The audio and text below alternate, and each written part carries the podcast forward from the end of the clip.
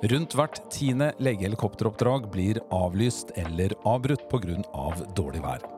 Hvorfor har norsk luftfart bedre navigasjonssystemer for dem som skal på sydentur med fly, enn for dem som trenger livreddende behandling og må med helikopter til et sykehus? Dette er et av spørsmålene vi skal prøve å få svar på i denne episoden av Akuttjournalen.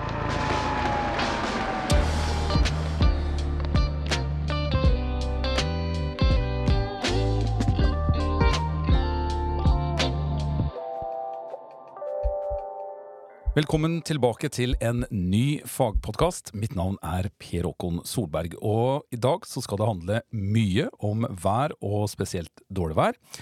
Og hvordan et enkelt signal fra verdensrommet har blitt til et livsviktig hjelpemiddel for bl.a. luftambulansetjenesten i Norge. Men før vi går løs på denne tematikken, så har jeg bare lyst til å minne deg om vårt nyhetsbrev, som vil gi deg mer faglig innhold om temaene vi løfter frem i disse episodene. Bruk gjerne linken i episodebeskrivelsen som du finner i denne episoden, og meld deg på. Eller send oss en SMS med kodeordet FAG og e-postadressen din, og send det hele til 09044. Erik Nordmann, Velkommen til Akuttjournalen. Tusen takk. Dårlig vær og GPS-signaler i skjønn forening er eh, noe jeg vet du er veldig opptatt av. Ja. Det, Hvorfor det? Nei, vær er, Når man flyr luftambulanse, så er vær, eh, og spesielt i Norge kanskje, så er vær en stor utfordring for oss. Og eh, så er jeg jo interessert i teknologi. GPS er en fantastisk teknologi som også kan være nyttig for oss, så da blir det naturlig å og at det blir et stort interessefelt. Mm. I denne episoden så skal du få lov til å utdype alt dette her til gangs, men først har jeg litt lyst til å bli litt bedre kjent med deg. Eh, og la lytterne våre få lov til å ehm, vite litt mer om hvem du er som person, og litt om jobben din. Du er flyoperativ fagsjef i luftambulansen blant annet, og eh, pilot da på, på legehelikopteret. Fortell mer om deg selv. Ja, nei, sånn I mitt voksne liv så har jeg vært helikopterflyver hele tiden, vel 30 år. og 23 av de her i Norsk Luftambulanse. Uh, og så er jeg så heldig nå at jeg har halve min jobb i Stiftelsen Norsk Luftambulanse som å jobbe med uh, flyoperativ utvikling. Og det er utrolig spennende. Det er mange spennende prosjekter vi holder på med for å gjøre tjenesten mer, både tryggere og mer effektiv. Mm. Hvordan vil du si at hverdagen din er da, som uh, pilot på et legehelikopter? Nei, det er kanskje det setter det er flere ting som gjør at jeg trives i den jobben. Det ene er at det er fantastisk gøy å jobbe i det som vi kaller tre crew. Så det er tre yrkesgrupper. En flyver, en redningsmann og en anestesilege som jobber tett sammen for å løse et veldig sånn definert mål. Vi er aldri i tvil om hva målet er, og det er en utrolig spennende sånn miljø å jobbe i, da. Det syns jeg. Og så er det det ukjente. Det er at det er noe nytt hver dag. Det, det, det, eneste du vet, er at neste oppdrag det nærmer seg med ca.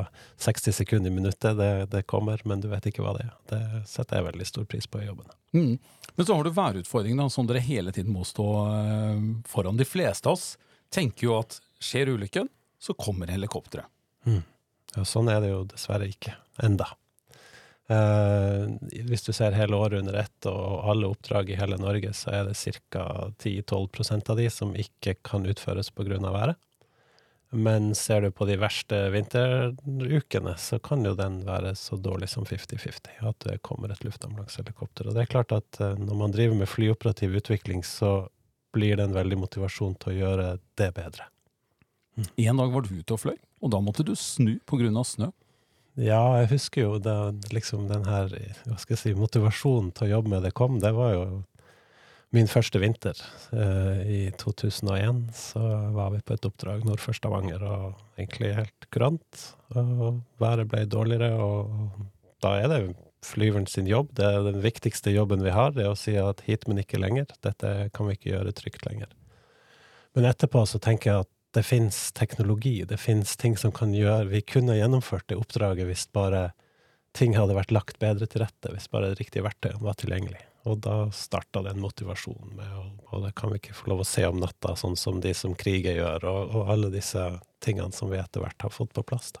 Hvilket behov var det du møtte der i snøføyka, som du ikke hadde teknologien om bord i helikopteret til? Nei, det, da, fløy vi jo et gammelt, enkelt analogt helikopter uten autopilot, veldig begrensa navigasjonshjelpemidler. Det var natt. Uh, nattbriller var bare noe man hadde hørt om og sett på film. Uh, I dag er det noe jeg tar som en selvfølge. Uh, sånn at jeg ville ha gjort det oppdraget i dag, uten tvil. Så ville det oppdraget blitt gjennomført. Og, og det er veldig motiverende å kjenne på at det, det går fremover. Eh, så, så, for oss så handler det om Det er liksom ikke én løsning på dette problemet. Det er en sånn trappetrinnsgreie hvor man må hele tiden jobbe mot Og vi vil aldri kunne operere i all slags vær. Det, det, men det er en visjon, da. Visjonen må være at uh, overalt i all slags vær, det, det må være visjonen. Mm. Mm. Men så begynner da denne ideen, tanken, uh, spiren, uh, til å få på plass løsninger om bord i helikopteret som i dag eh, blir på fagspråket kalt for eh, point in space, eller PINS-ruter. Hva er det vi snakker om? For det er det denne episoden primært skal handle om. Det er jo nettopp disse innflyvningstraseene eh, som dere programmerer inn i helikoptrene. Mm. Ja, det er litt interessant, fordi at uh, man har jo flydd rutefly fra flyplass til flyplass etter instrumentprivilegiene, sikkert siden 50-tallet. Uh, hvorfor gjorde vi ikke det med helikopter? Og den første gangen jeg måtte snu, så var svaret at det helikopteret hadde egentlig ikke det nødvendige utstyret for å gjøre det, men så etter hvert så fikk helikoptrene det. Men fortsatt så kunne vi bare fly instrument fra flyplass til flyplass. Og der er jo ikke pasientene, og ikke skal de dit heller. De er ute et eller annet sted og skal til et sykehus. Og vi mangler infrastruktur. Vi mangler den veien eller den ruta som jo finnes fra Gardermoen til Bergen. Der finnes det et kart og godt opptegna, det har det gjort i, i mange, mange tiår. Men det fantes ikke til helikopter. Og den viktige grunnen til det var at man har ikke dekning på radionavigasjonshjelpemidler nede i daler og sånn. Så det var først når, igjen da, amerikanske forsvaret lagde GPS, at man fikk et navigasjonsmiddel som var mulig å bruke for oss. Og det var liksom den revolusjonen, egentlig. Når det kom, så var det snakk om ok, vi må få aksept for å bruke det, vi må lære oss hva det er, hvordan det skal brukes i helikopter og sånne ting. Men, men det kom jo da med. Og det selvfølgelig så tok man imot GPS før i USA. Man stolte meldt på det der, for det var tross alt deres egen president som satt med av og på-knappen. Men man kunne jo lære av amerikanerne, og et, etter hvert Norge var tidlig ute. Vi hadde, eh, vi hadde et luftfartstilsyn som satte seg inn i det, og som var villig til å være med på den reisen. Og det var viktig da. Nå er vi tilbake i 2002-2004, liksom. Mm. Og så har man begynt da å programmere PINS-ruter inn i dette GPS-systemet. Hva, hva, hva, teknologisk, hva, hva, er det dere gjør? Prøv, prøv å hjelpe oss litt. ja, oss. Det starter tidligere enn programmering. Det starter egentlig med Vi kaller det å konstruere. Så det er egentlig en sånn Man lager en Man tenker Man skal beskytte en korridor gjennom lufta som skal være så og så brei og så og så høy, for at vi ikke skal krasje med noen når vi flyr inn i en sky. Og etter hvert, av avansert eh, navigasjonsprogrammering og autopilot og sånn, så kan vi nå snirkle oss inn fjorden inn til Mosjøen, f.eks. Og for oss sånne navigasjonsnerder, så er det bare helt fantastisk. Det er liksom det å se at det er mulig. Det er ting man ikke kunne gjøre for ti år siden. Og det er jo vel, da kan man fly lavt, og det må vi gjøre med våre helikopter, for de er ikke så glad i is. Så skyer med kuldegrader er ikke helikoptrene våre foreløpig veldig glad i, og da ønsker vi å komme ned. Og det løser disse her. Og så kan vi lage innflyving til hvor som helst. Akkurat der du kan få en hjem til huset ditt. Og det er jo det som har gjort det mulig å gjøre det praktisk for luftambulanse, helikopter. At uh, man får en sånn infrastruktur på plass. Og det er det er nesten som veier. Er, vi har riksveier imellom, og så har vi en avkjøring til huset ditt som er denne innflyvingen. Og grunnen til at prosjektet heter PINS, er for at vi har dårlig fantasi, vi som jobber med det. For point in space betyr bare at instrumentinnflyvingen istedenfor å stoppe på en flott rullebane på Gardermoen, så stopper den på et punkt i lufta. Derfra så må vi faktisk se, enten det er til landingsplassen på sykehuset, eller det er til busslomma oppe på en eller annen riksvei i Nordland. Så så den, der kommer navnet Pins fra. Det er mm. bare det at det, vi kom ikke på noe annet navn når vi holdt på. Så er det lett å si. Ja. Mm. Men altså, dere programmerer da altså noen virtuelle uh, punkter bare i luften uh, i forskjellige høyder, som gjør at dere da kan fly til det punktet, og så begynner helikopteret selv å på en måte ta seg ned til I en, i en, i en sikker trasé da ned til det Ja. stedet hvor dere Mm. skal lande. Heldigvis er det fortsatt sånn at det er flyveren som til syvende Men det, vi følger en, en slags strek, en tredimensjonal strek i lufta, og i mellompunktene så vet vi at vi skal ha sånn og sånn høyde. Og den siste delen den foregår på en sånn fin skrå ned mot der vi vil lande. Så det, og det, igjen da, sånn nerdeting, det er jo at vi nå kan fly ikke bare rette streker, men vi kan også lage buer som følger eh, Sognefjorden eller sånne ting. Og det er liksom den seneste utviklingen vi har på det. Mm.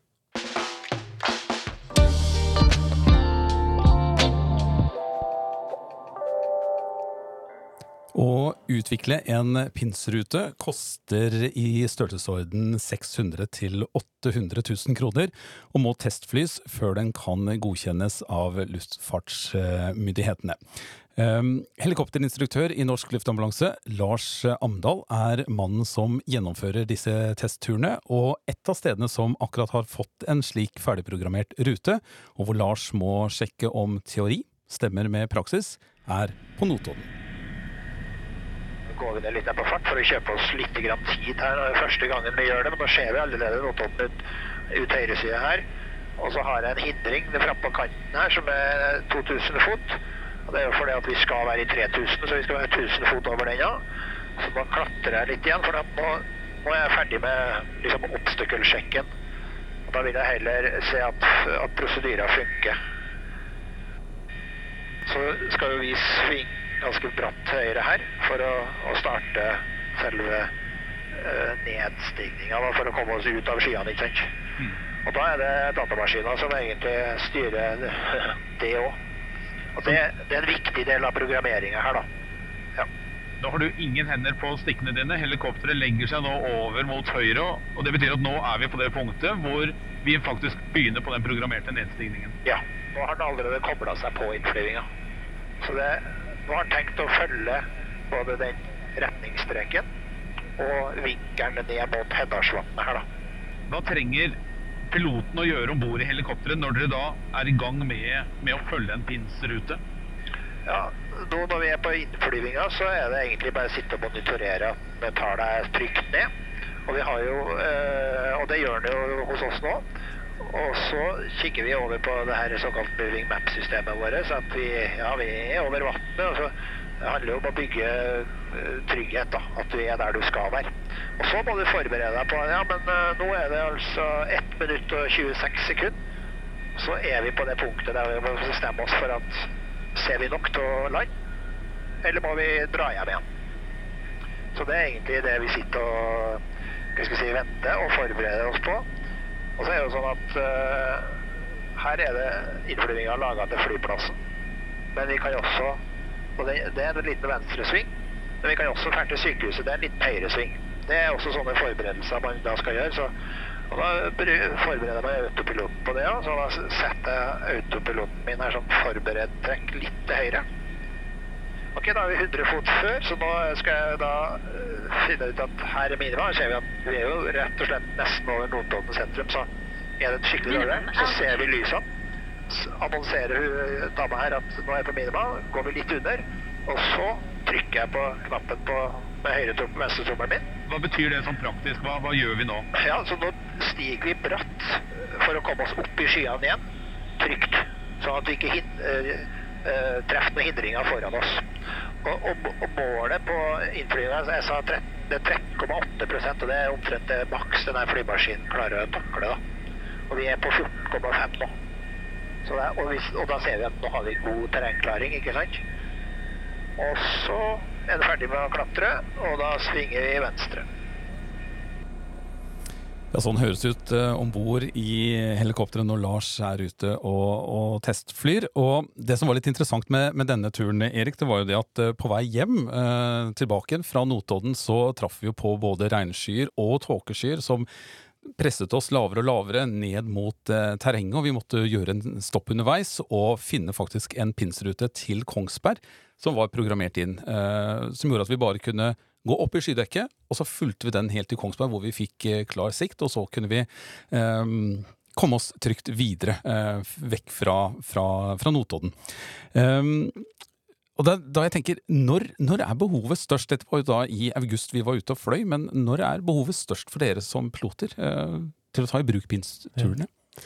Nei, det det hjelper oss med, er jo når vi har for dårlig sikt til å se hvor vi skal. Og det var jo det du var med og fikk oppleve, og det kan jo for så vidt skje når som helst. Uh, vi har større utfordringer, naturlig nok, i mørket med å se hvor vi skal, enn i dagslys.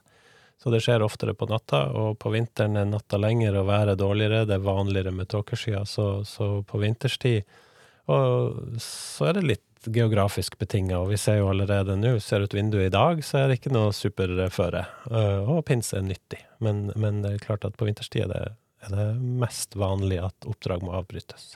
Hvor viktig er det for dere å kunne fly i blinde, for det er det man teknisk gjør. Altså når man går opp i et skydekk, så ser du ingenting. Det, for det første er det jo veldig trygt. Det kan jo virke skummelt, for vi ser ingenting, men vi flyr jo på en rute som har vært sjekka og dobbeltsjekka, og det der som du var med på med Lars, er jo den siste sjekken at her er det ikke gjort noen feil, og når vi kommer ut i terrenget, så er det ingen som har bygd en kirke og ikke fortalt om det, eller man får liksom virkelig bekrefta at teorien stemmer med praksis. Og, og, da er det veldig trygt å sitte der, for der treffer du ingenting. Og så kommer vi oss frem, og det er veldig fint å kunne si til doktoren at ja, vi skal til Kristiansand i dag, det kommer til å ta 47 minutter, istedenfor å si vi skal prøve å lure oss ned langs kysten, og jeg vet ikke hvor lang tid det kommer til å ta. For sånn medisinsk så har det også ganske stor betydning. Så det er en veldig behagelig måte å ta seg fram på. Det er jo derfor at rutefly har gjort det så lenge som vi kan huske. Du vet, du vet når du kommer til Tromsø når du reiser med SAS. De, de er ikke så usikre på om det går bra eller ikke. Men, men er det er det et lite tankekors at altså, det, det, var altså enklere å komme seg til Syden eller, eller, hjem til Tromsø altså med rutefly enn det har vært uh, å komme seg til et sykehus i Norge? Ja, ja nei, det kan jo virke det, det, det, virker jo helt banalt, egentlig. Så er det klart det er flere ting med det. fordi at rutefly flyr fra velorganiserte flyplasser til velorganiserte flyplasser. Så er det det med GPS, som har gitt oss et navigasjonshjelpemiddel som vi ikke hadde. Og da handla det egentlig bare om å få begynt å bygge den infrastrukturen. Men det skulle på plass et regelverk, og, så det, ting har tatt tid. Men det er gøy å kunne Vi var først i Europa, det er veldig gøy å, å vite det. Uh, og så vært med å, å, lage vei i, i, Europa når det gjelder å bruke dette her til luftambulansetjeneste, til lokale steder, til sykehus, til baser, og vi har jo nå innflyvninger til alle steder du kan tenke deg, og det er veldig gøy, syns jeg. Men disse turene, eh, eller disse PINS-rutene, de de går jo primært til et sykehus. Men utfordringen er jo at dere skal jo også ut og hente en pasient. Mm. Og der kan det jo være like dårlig vær som det er på det sykehuset eller på den landingsplassen hvor dere skal eh, levere pasienten. Mm. Men det blir litt som du var med på. Du skulle fra Notodden til Oslo. Problemet var dårlig vær over Meheia. Så da fløy du instrumentet over Meheia, og da kunne du jo, når du kom til Kongsberg, velge å fly til Oslo, eller du kunne fulgt dalen opp til Rjukan, eller Og det gjør vi. Vi har innflyvinger som kan nevne Evje på Sørlandet, i Setesdal. Den går ikke til noe sted som helst. Vi lander nesten aldri der. Men vi kommer oss fra Arendal til Setesdal, og så kan vi fly Setesdal nord og sørover, fordi at det er lavere terreng og ofte bedre sikt. Så, så det er en veldig annen måte å bruke instrumentflyving enn det rutefly gjør. Um, veldig mye mer dynamisk. Men som gjør det også effektivt. Så vi bruker det absolutt på det vi kaller primæroppdrag, hvor man skal ut til et skadested. Men da kommer vi oss i nærheten, og så kan man følge uh, egna terreng, om det er en dal eller langs en, en kystlinje og sånn. Så det er effektivt.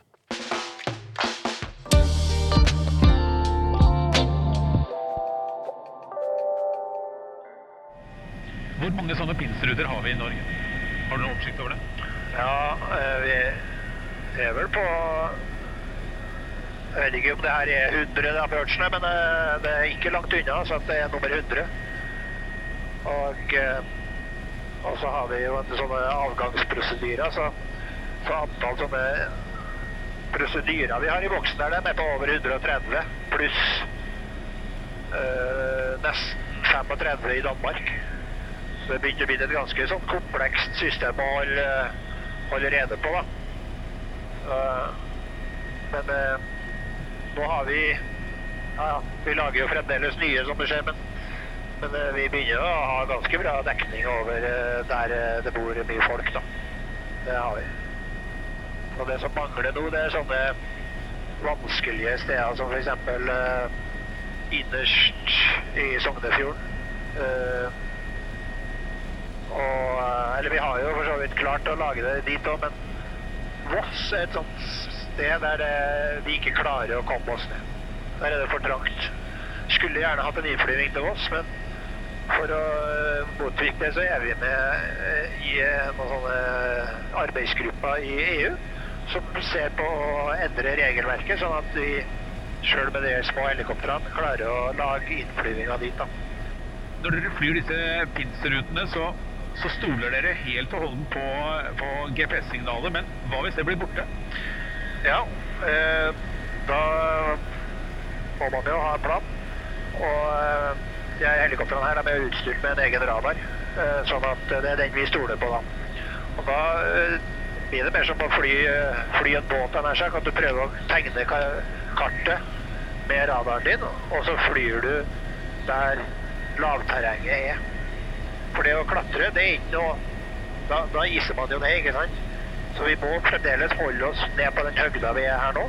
Og det er jo en utfordring. Og, og det å, å bli god på radarflyging, det, det, har vi brukt veldig mye energi på. Vi har en fantastisk simulator som, eh, som gir oss meget verdifull trening på akkurat radartrening. Da. Og på selve innflyvinga så, så beskriver vi en såkalt contingency-prosedyre. Hva skal vi gjøre hvis du mister radaren? Så det er i bevisstheten hele tida. Eh, det er tre satellitter som, som sirkler over ekvator som gir oss det her korrigerte GPS-signalet. Og vi er ganske langt nord, ikke sant? sånn at det, det, er ganske liten vinkel. Sånn at det er en sårbarhet i det systemet her. At man ikke når de geostasjonære satellittene. Ergo så øh, Vi trenger ikke å avbryte innflyvinga, men vi må bruke en annen innflyvingstype. Sikkerhet er et uh, stikkord uh, nå, Erik, og Lars var jo inne på det her. Um, hvor trygt er det å stole så blindt på disse GPS-signalene som Lars sier at dere gjør i helikopteret, og som disse rutene da er bygd rundt? Og jeg spør fordi Nkom har jo kommet med en rapport nå som forteller at dette med GPS-jamming, eh, bortfall av eh, GPS-signaler, bare øker, og spesielt i, i Øst-Finnmark. Og det er jo et område med store avstander, og hvor f.eks. helikopter er livsviktig å ha for å kunne ha en god, en god beredskap. Og, og, nå er bortfallet av, av signaler i Øst-Finnmark nesten dagligdags. Så jeg lurer på, altså, hvor, hvor trygt er dette signalet eh, fra, fra verdensrommet? Ja. Nei, GPS er jo en, en, fantastisk teknologi. Det er en masse små satellitter 20 000 km over jordoverflata som er i stand til å fortelle deg om du står på høyre eller venstre side av E6. Det er utrolig kult.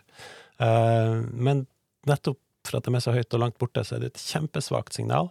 Så det er ikke så vanskelig å det som heter jamme det, eller å gjøre det, skjule det med annen støy. Og vi skiller på to typer sånn jamming. Det ene er det som vi opplever lokalt. Eh, en lastebil har parkert på Alnabru, og så har de en sånn jammer for at sjefen ikke skal se hvor lastebilen er og kjøre på ettermiddagene. Eh, det er strengt forbudt å ha, og det er strengt forbudt å kjøpe, men det blir gjort. Eh, der har Nkom vært fantastisk å slå ned på det. De søker de opp og får gjort noe med. Så det ser vi en nedgang.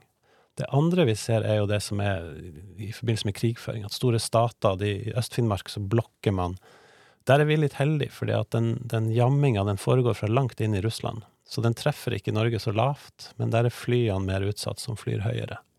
Men det viser bare at det er et signal som vi ikke kan Vi sier vi stoler helt på det. Ja, vi er avhengig av det, men vi har en plan B. Kanskje en plan C også, eh, med tanke på sikkerhet. Sånn at det må vi ha. Eh, hvis det er lokal jamming på Alnabru, så har vi en innflyving fra en annen retning til Lørenskog som gjør at vi kan komme inn fra en annen retning hvor det ikke er støy. Uh, så, det, så, det, har vi til enhver tid. Vi, vi, vi, putter ikke livet vårt i GPS, men løsning av oppdraget kan jo falle i fisk av at signalet ikke er der. Men det fins ikke noe alternativ til GPS i dag. Uh, Europa jobber med Galileo, som er tilsvarende teknologi, men det blir ikke så mye vanskeligere å jamme det. Og så jobber man etter hvert med å få ombordsystemer som bruker treghetsnavigasjon og sånn, og det har òg funnes i mange år. Men det er for tungt og ikke godt nok til vårt behov. Men det kommer. Det teknologien utvikler seg fort på det området. Og du har jo treghetsnavigasjon i din iPhone. Den er bare ikke så veldig til å stole på. Men det, det blir etter hvert. Mm. Så foreløpig er det sånn at hvis vi mister GPS-dekning, så får vi ikke gjort det vi hadde tenkt. Men det, vi skal komme oss hjem. Det har vi en plan for. Hva har i løpet av alle disse årene vært på en måte drivkraften din da, til å jobbe så hardt når på en måte helikopterbransjen selv digitaliserer og forbedrer seg hele veien. Altså, Hva har vært din drivkraft i ditt daglige virke? Nei, det som jeg ser, er jo at vårt behov er ikke Det er bare vi som kjenner på vårt behov. Eh, eh, og mye av digitaliseringa i, i, helikopter starta med å herme etter fly. Men vi i helikopter har litt andre behov. Vi vil gjerne kunne fly sakte inn i disse skyene. Og vi, vil, vi har andre behov. Vi trenger å komme til et lite til Vega på nordlandskysten eller til et lite tettsted eh, inne på Innlandet. ikke sant? Så, så behovet vårt er veldig forskjellig, og da må vi, vi må uttrykke oss sånn at fabrikantene vet hva vi vil ha. Og da er det utrolig hva man får til hvis man setter eh, fagpersonen med behovet og fagpersonen med løsningen sammen. Og det er det som jeg får lov til å jobbe med da, gjennom de prosjektene i Stiftelsen Norsk Luftambulanse. Det er at vi jobber tett sammen med fabrikanter, både utstyr og, og helikopter, som gjør at vi ja, plutselig kommer det nytt software. og Så sånn, ja, det her, så, den funksjonen i softwaren fins pga. Norsk Luftambulanse. Det er jo kjempegøy. Mm, mm. Ikke sant. Um, hva er det neste som må løses for luftambulansetjenesten? Nei, altså, vi har dårligst vær i Norge på vinteren. Jeg nevnte det vel så vidt at disse helikoptrene som vi snakker om, de kan ikke fly når det er det vi kaller ising. Det betyr at hvis du har en fuktig sky og det er kuldegrader, og det kan, det kan være kuldegrader og det fortsatt er flytende vann i skyen, så legger det seg på rotorbladene, og da fungerer ikke rotorbladene lenger så godt. Eh, så det har vi ikke lov til, og det er heller ikke trygt. Store helikopter som flyr til Nordsjøen, og nye redningshelikopter, de kan fly i isingsforhold. Men det er et komplisert system som er tungt. Og så er det vanskelig, sier fabrikantene, eller noen sier umulig, å putte det på små helikopter og svare vidt da, at vi kjørte bil på månen i 1970, hallo, hvis dere bare ville, så hadde det vært mulig. Men det er klart, det er kostbart, det vil kreve en utviklingsinnsats, og, men det kommer til å skje noe på det området, og det er det neste som må skje. Det er at vi kan fly i isingsforhold, for da kan vi bruke den infrastrukturen vi har bygd, hele året. Nå er vi begrensa av disse isingsforholdene på vinteren. Så det er den største. Det er virkelig en sånn før og etter, hvis vi klarer å løse det problemet. Og vi har et annet prosjekt hvor vi akkurat nå er i ferd med å etablere en ph.d. med Universitetet i Tromsø, som skal forske på varsling av isingsforhold som gjør at vi i større grad kan ta riktig beslutning på hvilke oppdrag vi kan fly på og ikke på vinterstid. Så det er veldig spennende. Starte opp i, i høsten nå, finansiert av, av, stiftelsen, så det er veldig gøy. Uh, og så er det det at vi må se til slutt. Når vi kommer helt ned til point in space, så må vi se der vi skal lande. og Derfor har vi etablert et tåkeprosjekt på basen på Lørenskog, for det er et av stedene i Norge som har tåke på høsten og tidlig vinteren. Så der har vi montert noe lys, og vi har optimalisert en innflyving for å kunne se om vi kan lande i så dårlig vær som man kan på en flyplass som Gardermoen. Så det har vi holdt på med nå et års tid, og foreløpig ser det veldig lovende ut. Så det er sånn som vi jobber med Som jeg sa, det er ikke én løsning på dette. Det er sånne trappetrinn som kommer. Men utfordring nummer én, hvis jeg må velge én, så er det det å løse at helikoptrene våre kan fly i isingsforhold. Mm. Mm. Og din iver etter å forbedre og fornye eh, bransjen sammen med dine kolleger eh, og, og, og, medpiloter har jo ført til at eh, redningshelikoptertjenesten nå, eh, Luftforsvaret, politihelikoptre, de, de, tar i bruk denne, denne løsningen som, som pinseruter eh, representerer. Mm. Ja, Vi har veldig god erfaring med det. Vi ser at det hjelper. Du kom deg hjem fra Notodden fordi at dere kunne, og, og det har en effekt. Så vi tenkte at vi kan ikke sitte med det alene. Eh, redningshelikoptertjenesten og politihelikoptertjenesten driver også en samfunnskritisk virksomhet, så vi har invitert de inn, eh, sånn at de også kan bruke vår infrastruktur på en, på en trygg og god måte. Så det er en spennende utvikling for oss, og som jeg tror vil være nyttig for hele samfunnet. Mm. Og så har denne teknologien også fått internasjonal pris. Hvor, hvor viktig er det uh, at dette blir anerkjent også utenfor Norges grenser? Hvis, ikke hadde, hvis, ikke markedet var større enn Norge, så ville det ikke skje så mye utvikling. Så det er jo grunnen til at uh, produsentene hører på oss, er jo for at de ser at det ligger et marked i hele verden. Så når vi ønsker oss treghetsnavigasjon i disse små helikoptrene, så ser de at ja, men det er det mange andre òg som kommer til å ville ha den etter hvert. Så derfor er det viktig med anerkjennelse, derfor ønsker vi også å vise det fram internasjonalt.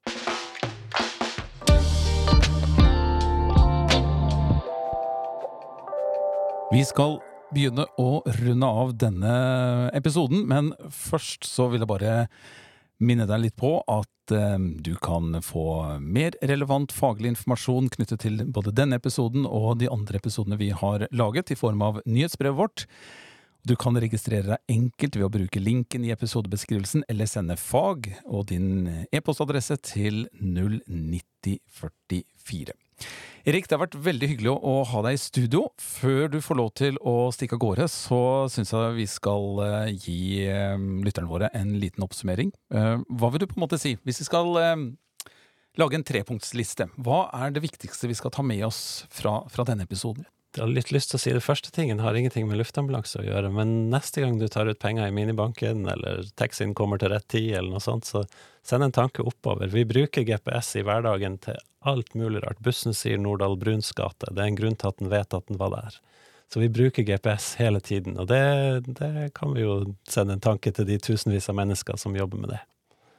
Uh, så det tenker jeg er bra. Uh, for oss er det sånn altså Luftambulansetjenesten, vi skal bli bedre og bedre, men vi, uh, vi kommer ikke hver dag i all slags vær, og derfor så finnes det et, mange ledd i helsetjenesten hos oss. det er ikke sånn at luftambulansen kom ikke Du er deg sjøl. Det finnes en meget kompetent ambulansetjeneste og legevakttjeneste der ute som vil ivareta pasienten til man har funnet en god løsning på det. Så det er viktig å vite. Ehm, det siste tenker jeg at eh, snart skal vi ha løst eh, dette isingsproblematikken, og da skal vi begynne å nærme oss eh, regulariteten til sydenfly. Da skal det være like stor sannsynlighet for å få luftambulanse som å komme seg en tur til Ibiza. Du har lyttet til en fagpodkast fra stiftelsen Norsk Luftambulanse, hvor vi har snakket med pilotene Erik Nordmann og Lars Amdal om arbeidet med PINS-ruter for bl.a. luftambulansen. Og har du tips om relevante temaer, så send oss veldig gjerne noen ord. Vi vil veldig gjerne høre fra deg som lytter. Bruk e-postadressen akutjournal at norskluftambulanse.no. Ansvarlig redaktør for denne podkasten er Hans Morten Lossius.